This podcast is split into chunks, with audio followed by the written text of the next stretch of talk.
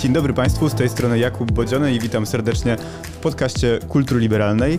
A dziś naszym gościem jest pułkownik Piotr Lewandowski, pułkownik rezerwy, między innymi siedmiokrotny uczestnik misji bojowych poza granicami kraju, a także nieskromnie powiem, że jeden z lepszych ekspertów na temat e, tego, co obecnie dzieje się na froncie ukraińskim. Witam serdecznie. Dzień dobry panie redaktorze, dzień dobry państwu. Panie pułkowniku, zrekapitulujmy proszę sytuację na froncie z tych ostatnich e, kilku tygodni.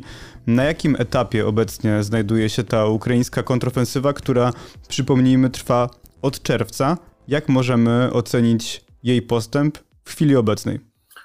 Bo tu troszeczkę w tej y, przestrzeni informacyjnej mamy takie pomieszanie informacji i, i, i mieszają się często doniesienia, wnioski z poziomu strategicznego, czyli decydującego o przebiegu wojny, operacyjnego, czyli decydującego o przebiegu operacji i taktycznego, czyli jak żołnierze konkretnie walczą na, na polu walki. I, I może króciutko ja się ustosunkuję do, do każdego z tych poziomów, bo nic nowego nie powiem, natomiast może to trochę uporządkuje ten przekaz, który na co dzień mamy. Z poziomu strategicznego stało się to, co, co sztuce wojennej jest, jest zdefiniowane, czyli wojna, która nie zakończyła się relatywnie szybko, uzyskaniem zdecydowanej przewagi jednej ze stron, przeszła w konflikt długotrwały. Czyli obie strony zbudowały na tyle duże zdolności, że żadna z nich nie jest w stanie jednym zdecydowanym uderzeniem pokonać drugiej.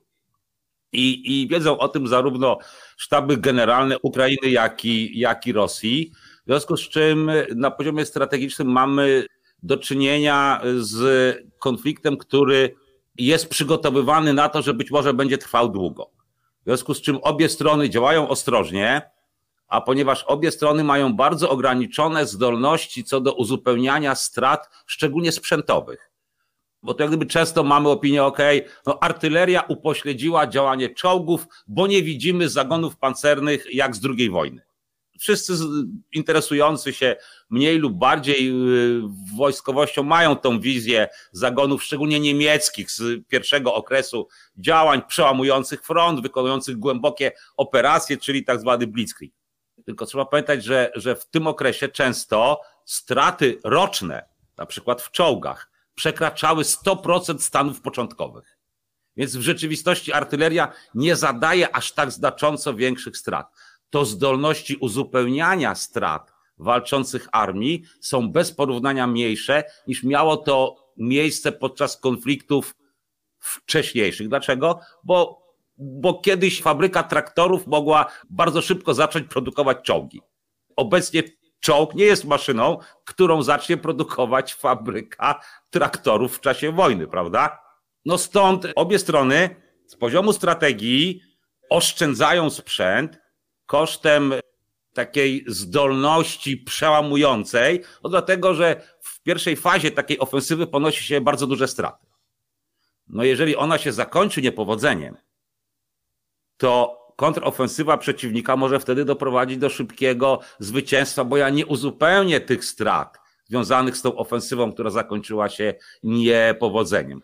I stąd działania ukraińskie bardzo ostrożne. No i, i teraz przejdźmy do, do poziomu operacji. Ukraińskie siły zbrojne prowadzą dwie operacje ofensywne, znaczy inaczej, prowadzą tak naprawdę jedną ofensywę na dwóch zupełnie oddzielnych kierunkach operacyjnych. Czyli mamy Zaporoże i mamy Bachmut. I w obu przypadkach działania mają ten sam cel. To znaczy doprowadzić tak naprawdę do, nie tyle do rozbicia przeciwnika, tylko uzyskania terenu. Bo nawet jeżeli armia ukraińska uzyska powodzenie pod Bachmutem na przykład, czyli na południe od miasta, tam gdzie uparcie naciera od, od miesięcy, to nie będzie taka dynamika tej operacji, że siły rosyjskie zostaną nagle okrążone. Rosjanie, nawet gdyby doszło do powodzenia, Rosjanie będą mieli dość czasu, żeby te siły wycofać, żeby przygotowywać kolejne linie obrony. No więc Bachmut tak naprawdę, jeżeli nawet doprowadzi do odzyskania miasta, na co na razie niewiele wskazuje, to nie doprowadzi do zniszczenia rosyjskich sił, które są tam rozmieszczone. Moim zdaniem oczywiście. Zaporoże, wyjściowo trzy kierunki, pozostał jeden centralny, czyli w rejonie Robotynę. Operacja no, ma na celu rozkawałkowanie w pierwszej fazie ugrupowania rosyjskiego i finalnie odcięcie Krymu od tej części, nazwijmy umownie, kontynentalnej. Taktyka, czyli ten najniższy poziom, w obu przypadkach podobna. Działanie niewielkimi grupami szturmowymi, co z jednej strony pozwala nacierającym, czyli armii ukraińskiej, zarządzać stratami. Nie ma zaskakujących strat. Nie ma sytuacji, gdzie w wyniku błędu, złej koordynacji bądź nagłego działania przeciwnika stracę 5 tysięcy ludzi w ciągu jednego dnia. Więc zarządzanie poziomem strat, czyli te straty są kontrolowalne, one są relatywnie niższe, no ale ta taktyka głównie y, polega na tym, że następuje stopniowe wyniszczanie przeciwnika i zajmowanie terenu krok po kroku. Czy w takim razie tutaj pytanie zadam ze strony laika, bo też z takimi głosami się spotykałem, że możliwe właśnie, że to taktyka takiego oszczędnego dysponowania tymi siłami, również w obawie przed ewentualnym kontruderzeniem przeciwnika, nie jest błędna z pewnego punktu widzenia, bo może lepiej czy bardziej efektywne byłoby wykorzystanie czy rzucenie większych sił po to, żeby ten wyłom był większy i straty w pierwszej części operacji były większe, no ale rzeczywiście, że można byłoby coś osiągnąć, że tak naprawdę te straty w dłuższej perspektywie byłyby takie same jak przy obecnym sposobie prowadzenia operacji, albo nawet mniejsze przy jednoczesnym właśnie zajęciu terenu e, przeciwnika. Tak, bo w założeniach, jak gdyby oczywiście przyjmijmy, że są to bardzo umowne ramy. W momencie przełamania te brygady pierwszego rzutu stracą do 30% nawet Stanów. Ale te brygady, które wejdą, o czym pan redaktor mówił, w to miejsce, i jeżeli one wyjdą e, w tą przestrzeń operacyjną, czyli na tyły przeciwnika, one będą zadawać około sześciokrotnie nawet wyższe straty niż ponosić same. Czyli jak gdyby odzyskamy z nadwyżką to, co straciliśmy w pierwszej fazie. No tylko teraz e, warunkiem powodzenia tego jest przewaga ogniowa nie sam manewr, tylko też uzyskanie przewagi ogniowej. Armia ukraińska usiłowała tą przewagę uzyskać, ale no bez przewagi w powietrzu, bez lotnictwa, samą artylerią, która ma większy zasięg, wyższą precyzję, ale dalej jest całkowicie uzależniona, jeśli chodzi o, o, amunicję od dostaw z zachodu. Na chwilę obecną tej przewagi ogniowej uzyskać się nie udało. I pierwszy plan ukraiński najwyraźniej zakładał takie uderzenie. Uderzenia pierwsze ukraińskie były prowadzone kilkoma batalionami, skoordynowane, tylko że, że w centralnej części zakończyły się od razu niepowodzeniem i warto zauważyć, że tam nacierała z tego pierwszego rzutu, czyli tych dziewięciu brygad około, które poszły w pierwszym rzucie, najlepsza ukraińska brygada, przynajmniej uważana za najlepszą, 47, którą formowano tak nieco elitarnie, ale wyposażona w najlepszy dostępny sprzęt. I ona poniosła od razu ciężkie straty. Pozostałe uderzenia zakończyły się nieco lepiej, szczególnie to, które nastąpiło jak gdyby na styku y, Zaporoża i Donbasu, czyli rejon Wielkiej Nowosiłki, ale ono, ono wygasło w wyniku strat. Zostało jedno, to centralne.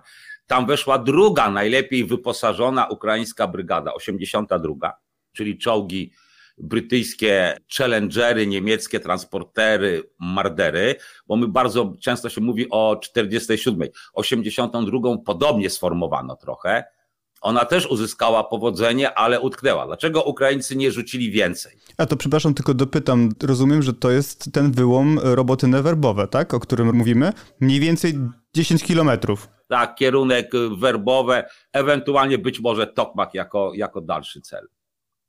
I, I tu nawet rzucenie tego relatywnie nowoczesnego sprzętu, ale w takiej niewielkiej ilości. I stąd te dyskusje. A gdyby tych batalionów nie uderzyło dwa, ale, ale cztery i kolejne cztery i kolejne. Jest problem miny. Tu się pojawił inny problem, po prostu obszerne pola minowe, minowanie zdalne, minowanie narzutowe, intensywne działanie rosyjskich śmigłowców szturmowych. Kiedy się pojawiły te elementy, one bardzo mocno ograniczyły zdolności zmasowanych uderzeń, a przy braku przewagi ogniowej każdy błąd kończył się ciężkimi stratami. No bo co w ofensywie pozwoli nam uniknąć ciężkich strat, jeżeli moje siły dostają się pod ciężki ogień? No, no ogień własny.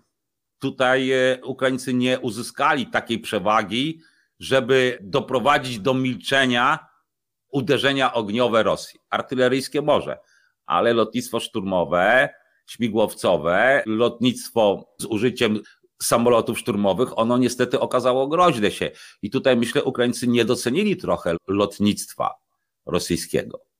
Aczkolwiek no ono, ono też tu, tu mimo wszystko medialnie trochę jest rozdmuchiwane jakby, ale to pewnie sobie jeszcze o tym porozmawiamy. No, no i efekt taki mamy, że po tej pierwszej fazie tego zmasowanego uderzenia Ukraińcy bardzo szybko wrócili do e, koncepcji właśnie działania bardzo doświadczonymi żołnierzami, relatywnie niewielkimi oddziałami, no i takie, takiego powolnego pokonywania Rosjan.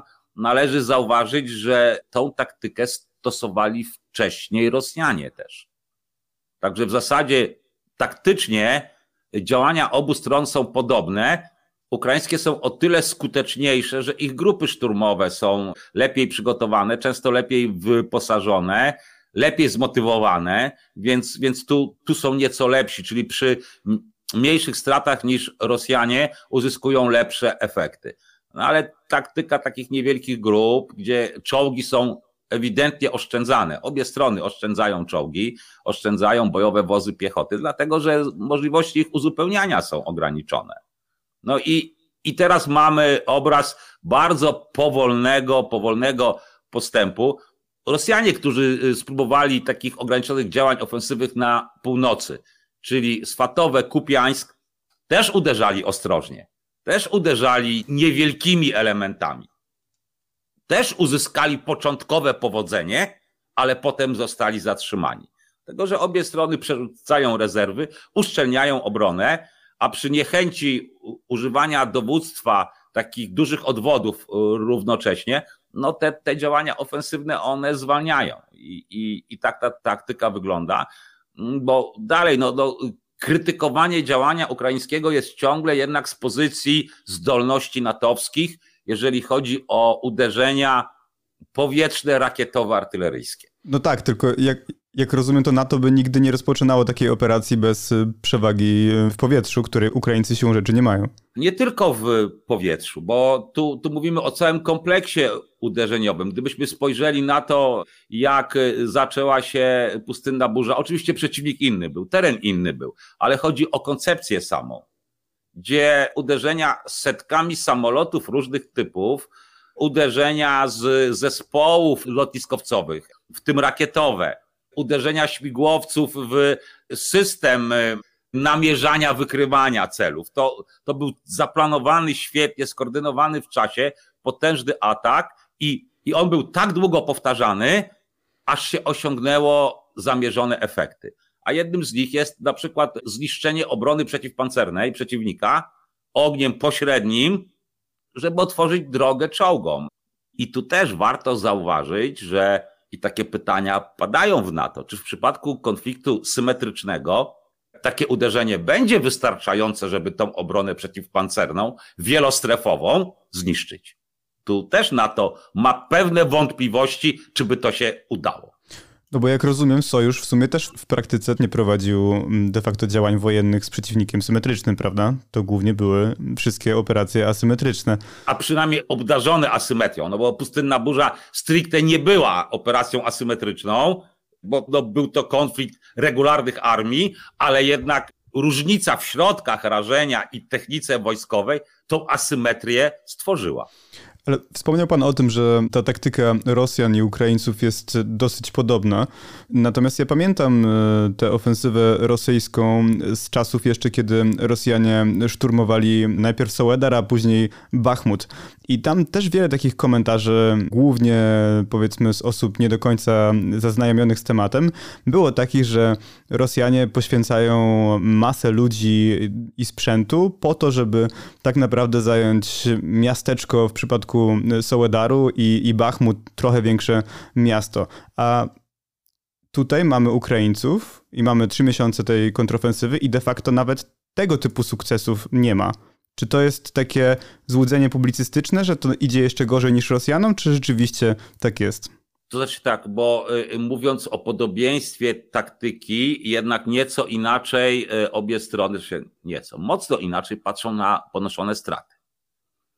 Rosjanie uderzyli, no y, zajęcie Sołedaru taktycznie miało kluczowe znaczenie, bo ono finalnie pozwoliło tak naprawdę zająć Bachmut. Więc to, były, to był element operacji, natomiast sposób prowadzenia. Rosjanie z pełną świadomością poświęcili tysiące Wagnerowców, ale tej części Wagnera wyciąganej z obozów karnych i więzień i armia ukraińska uderza niewielkimi grupami, prowokując przeciwnika, ogniem artylerii niszczy, a, a Rosjanie nie bawili się w takie finezyjne działania jakichś grup rozpoznawczych, tylko po prostu rzeczywiście puszczali Wagnerowców do przodu. Dla nich wartość więźnia z wyciągniętego obozu pracy no, była znikoma i, i po prostu tysiące tych ludzi świadomie poświęcili, a dopiero w kolejnych rzutach uderzały grupy szturmowe. Więc tu, tu są podobieństwa, jeżeli chodzi o koncepcję, ale już sam sposób realizacji się jednak różnił. I teraz tak, Rosjanie osiągnęli powodzenie. Tak. Między innymi dlatego, że jednak poświęcanie tych ludzi było bardziej efektywne. Ukraińcy nie, nie poświęcą dziennie tysiąca, tysiąca dwustu żołnierzy, a rosyjskie straty w bitwie o Bachmut, czy w okresie tej bitwy, były nawet trzykrotnie wyższe niż są obecnie. No bo teraz śledząc rosyjskie straty, dzienne straty Rosjan są między 350, 400, a, a wtedy sięgały tysiąca. Były dni, że przekraczały tysiąc. A co wiemy w chwili obecnej o... to opłaca, no bo teraz tak, tak naprawdę nie znamy ukraińskich strat w bitwie o Bachmut. No właśnie, o to chciałem zapytać. Prawda? Nie znamy. Moim zdaniem, czy, czy się opłacało? Moim zdaniem nie. Jednak. Moim zdaniem jednak nie. Dlatego, że kilka bardzo dobrych ukraińskich brygad mocno się wykrwawiło. No wiemy, bo, bo widzimy na ile zniknęły, jak wróciły, niektóre jeszcze nie wróciły. Więc moim zdaniem pomysł, pomysł nie był dobry. Ale, ale to jest, to jest bardzo ostrożna ocena, bo na taką ocenę się będzie można pokusić dopiero po zakończeniu tej fazy wojny. Dlaczego mówię fazy? Bo, bo moim zdaniem ta wojna niekoniecznie skończy się zawarciem pokoju, prawda, i, i, i że będzie koniec, ale przynajmniej tej, tej fazy tego konfliktu i, i pewni będziemy dopiero po, po dłuższym czasie, kiedy będzie można dokonać, na ile obie strony utraciły potencjał. Bo, bo tu, tu zysk i strata, jeśli chodzi o teren obu stron, był znikomy. To była walka o, o zadanie maksymalnych strat. Nie mamy pewności, na ile, na ile Ukraińcy ponieśli. Z perspektywy obecnej wydaje się, że, że jednak y, Rosjanom się trochę bardziej to, to opłaciło. Pójście na tą wymianę ciosów taką.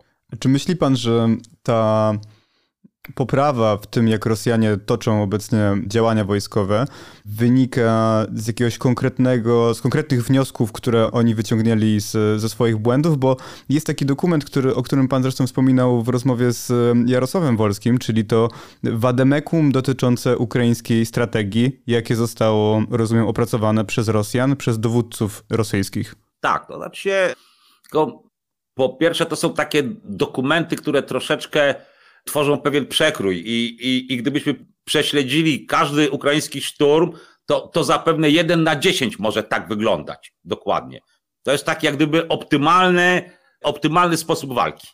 No ale jeżeli mm, dowódcy rosyjscy mają się przygotowywać do obrony, oceniać taktykę przeciwnika, to są cenne dokumenty, bo one pozwalają w mniejszym bądź większym stopniu przewidywać to, co zrobi przeciwnik, w tym wypadku Ukraińcy ale to, to nie jest nic nowego, bo Rosjanie mają dobrze rozbudowany pion mm, tego, powiedzmy sobie, tak jak się w NATO nazywa, lesson learned, czy też after action y, review, czyli oceny tego, co się dzieje, wyciągania wniosków. Natomiast mieli zawsze problemy z implementacją tego. No bo, bo, bo jedno to prawidłowo ocenić, prawidłowo wysnuć wnioski. Oni po wojnie w Gruzji wysunęli bardzo prawidłowe wnioski co do słabości swojej armii. I, I się okazało, kiedy zaczęła się wojna na Ukrainie, że zrobili z tym niewiele. Ale gdyby przeczytać ich dokumenty po tym konflikcie, one są bardzo trafne. No i teraz y, samo zdefiniowanie przez Rosjan taktyki działania przeciwnika nie daje jeszcze gwarancji, że dowódcy pododdziałów będą w stanie implementować to, żeby uzyskać y, znacząco wyższą skuteczność. W przypadku takich jednostek dobrze zorganizowanych, zawodowych, jak WDW właśnie, a warto zauważyć, że tam się podpisywał generał Tepliński, czyli człowiek bardzo kojarzony z rosyjskim WDW, czyli wojskami powietrzno-desantowymi. On co prawda teraz pełni też funkcję zastępcy na teatrze, ale dalej to tam mówiąc obrazowo, palce maczali na pewno, na pewno kadry wojsk społeczno-desantowych, one to implementować będą w stanie. Tam y, no, to jest wojsko zawodowe. Co prawda poniosło duże straty, powołano rezerwistów, ale dalej poziom y, rosyjskiego rezerwisty wojsku WDW jest zupełnie inny niż, niż poziom żołnierza z batalionu zmechanizowanego w Dagestanie na przykład. Ale to co w takim razie wiemy o tym dokumencie? To znaczy, jak według Rosjan wygląda ten y, optymalny, idealny z założeń ukraińskich szturm? Właśnie to jest e, e, w dużym uproszczeniu, dlatego że tych wariantów jest sporo dosyć.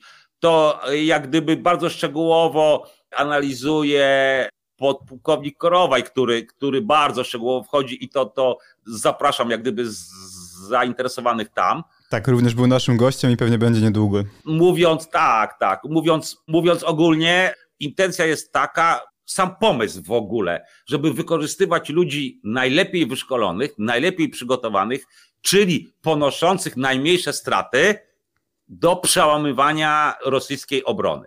No i tak naprawdę y, kompania piechoty, czyli ponad 100 ludzi, ona działa na korzyść jednej grupy szturmowej, czyli tych wyselekcjonowanych dowódców i żołnierzy, przygotowanych w ten sposób, żeby pod osłoną zarówno uzbrojenia tej kompanii piechoty, a tak naprawdę ja mam wrażenie, że czasem cała brygada ze swoją artylerią działa na korzyść jednej grupy szturmowej wręcz, czyli uzyskać na chwilę bardzo mocną przewagę ogniową, umożliwić tym żołnierzom podejście, wykonanie szturmu i dopiero wówczas podesłać odwody pancerno zmechanizowane, żeby odeprzeć kontrataki rosyjskie. W dużym uproszczeniu. No ale to powoduje, że ekonomia sił, jeżeli chodzi o wykorzystanie ich do szturmów, ona jest niewielka, bo, bo inwestujemy wszystko w kilkudziesięciu żołnierzy, co oznacza, że walczymy na bardzo wąskim pasie. No i przełamania na wąskim pasie, no musi być ich dużo i muszą być wielokrotnie powtarzane, żeby ten postęp następował. Stąd on jest bardzo wolny, ale pozwala Ukraińcom na tym etapie ograniczać straty.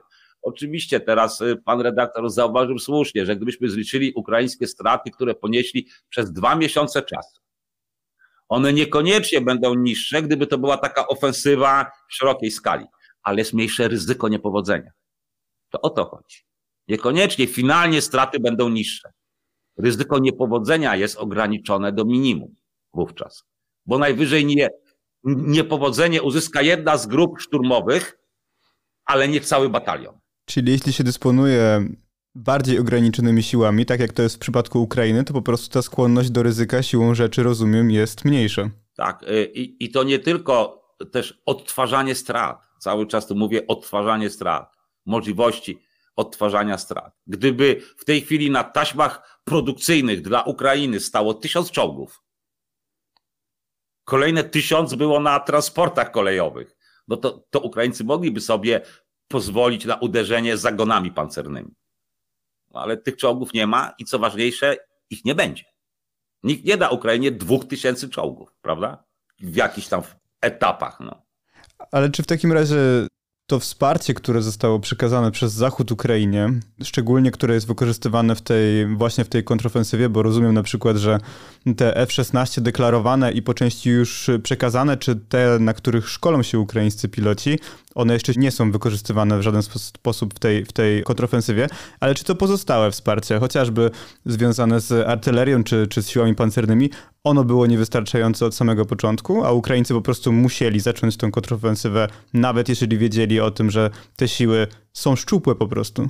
Oczywiście, gdybyśmy spojrzeli ogólnie na ilość sprzętu, jaki dotarł, tego jest dużo.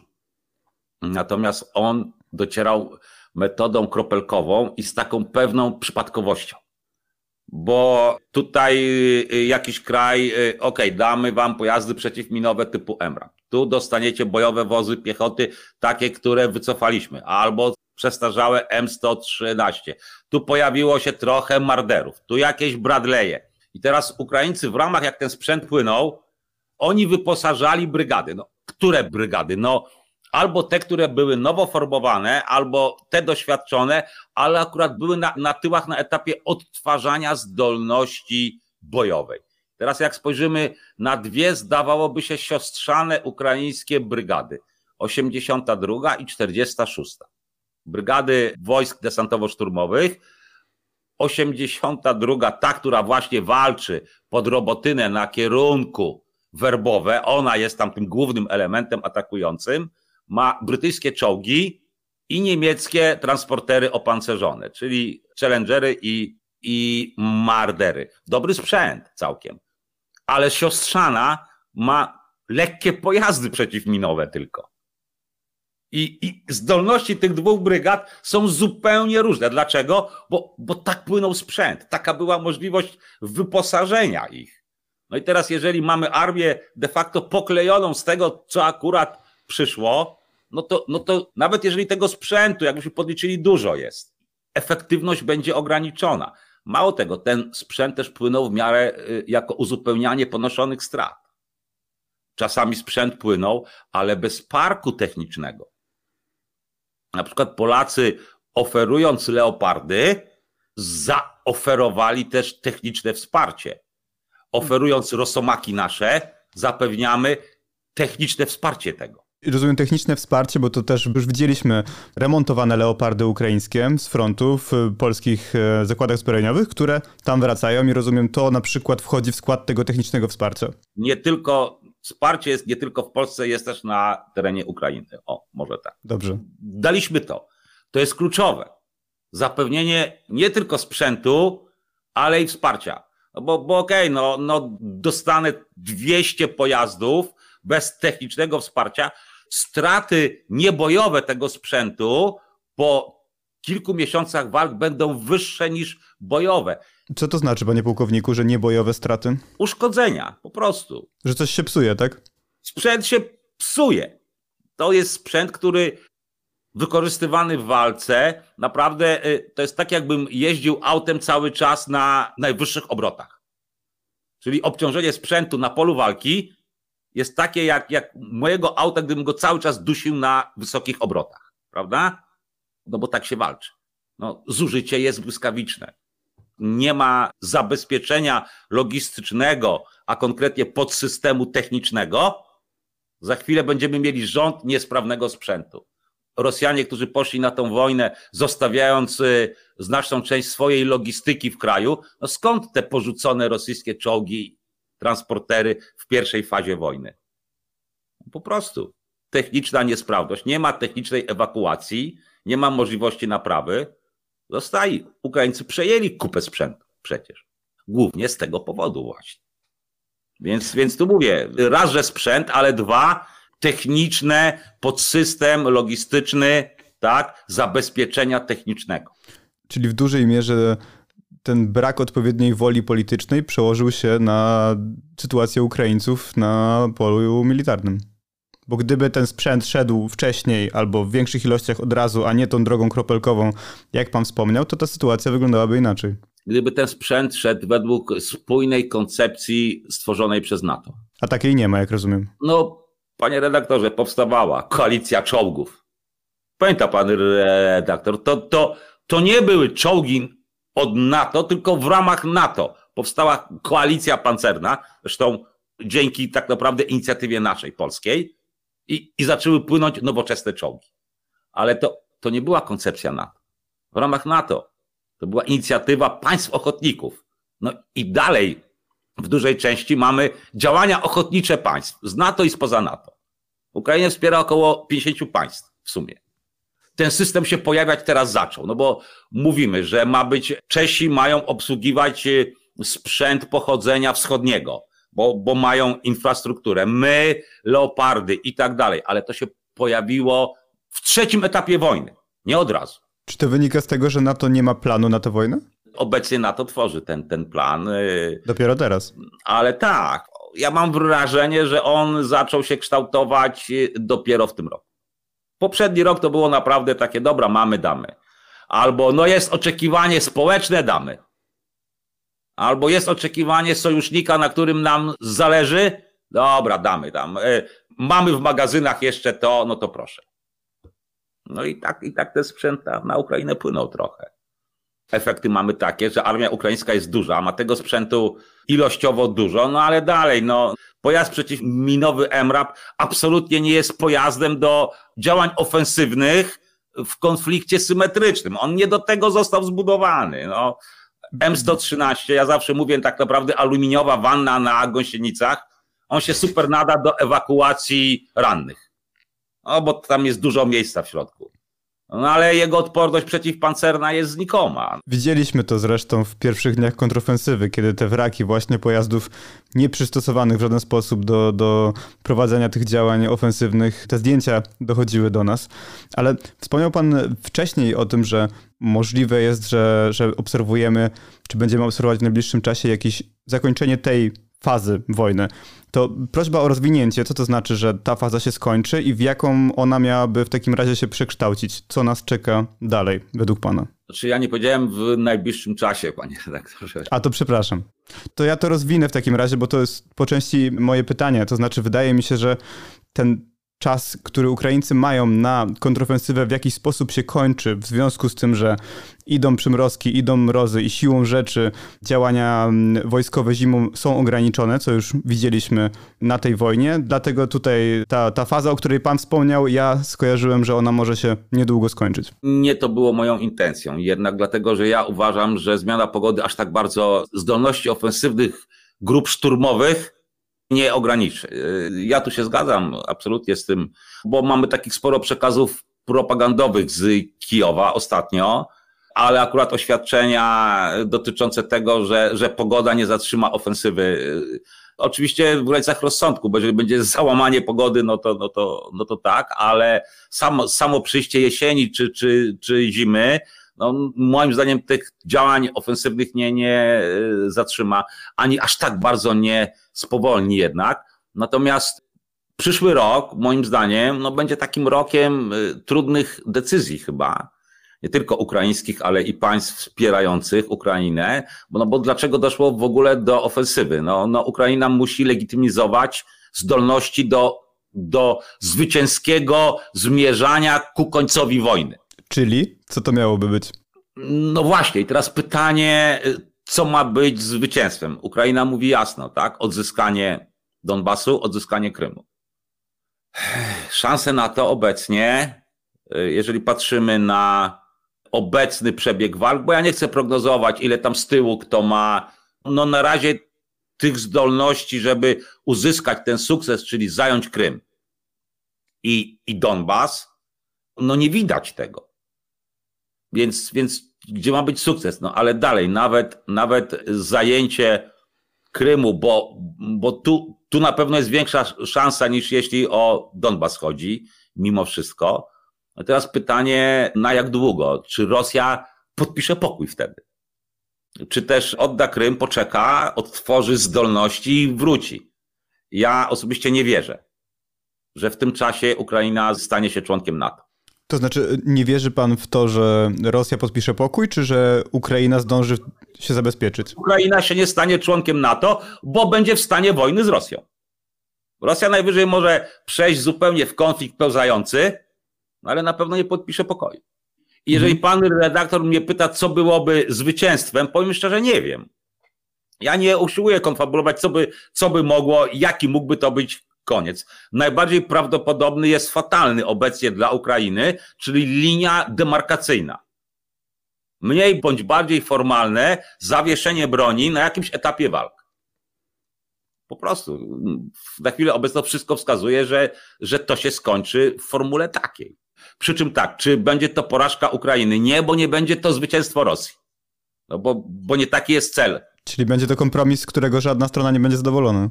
Dokładnie tak. Czyli wojna wróci wtedy. Jeżeli żadna ze stron nie jest zadowolona z tego, co osiągnęła, więc wojna wróci. No i niestety pesymistycznie to brzmi, ale obecnie tak wygląda.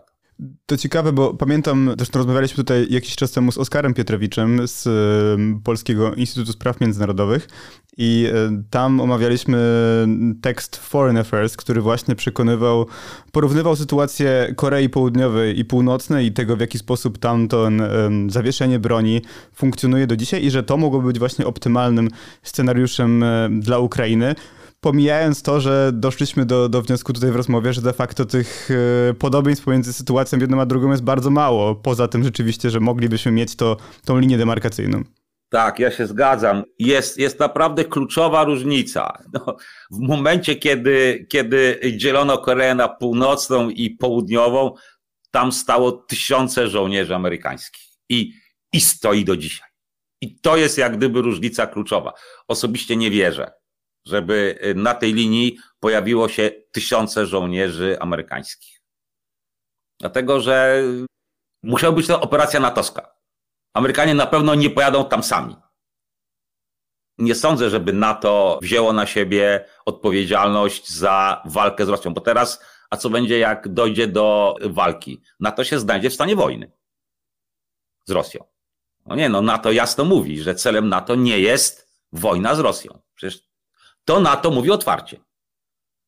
Wysłanie żołnierzy natowskich na tą linię, w momencie kiedy dojdzie do mniej lub bardziej intencjonalnych starć, to to jest stan wojny. Jeżeli obie strony zaczynają do siebie strzelać, no to się znajdą w stanie wojny. Więc ja osobiście nie sądzę, żeby to było sensu stricte Korea.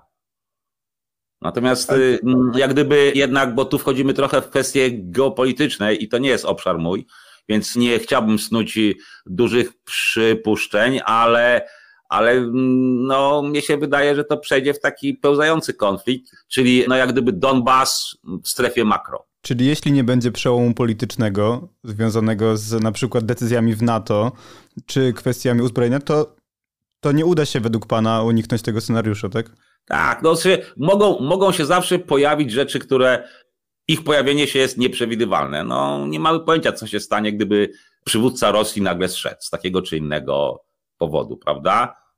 Więc, więc zakładając, że, że nie pojawią się czynniki, których obecnie nie ma.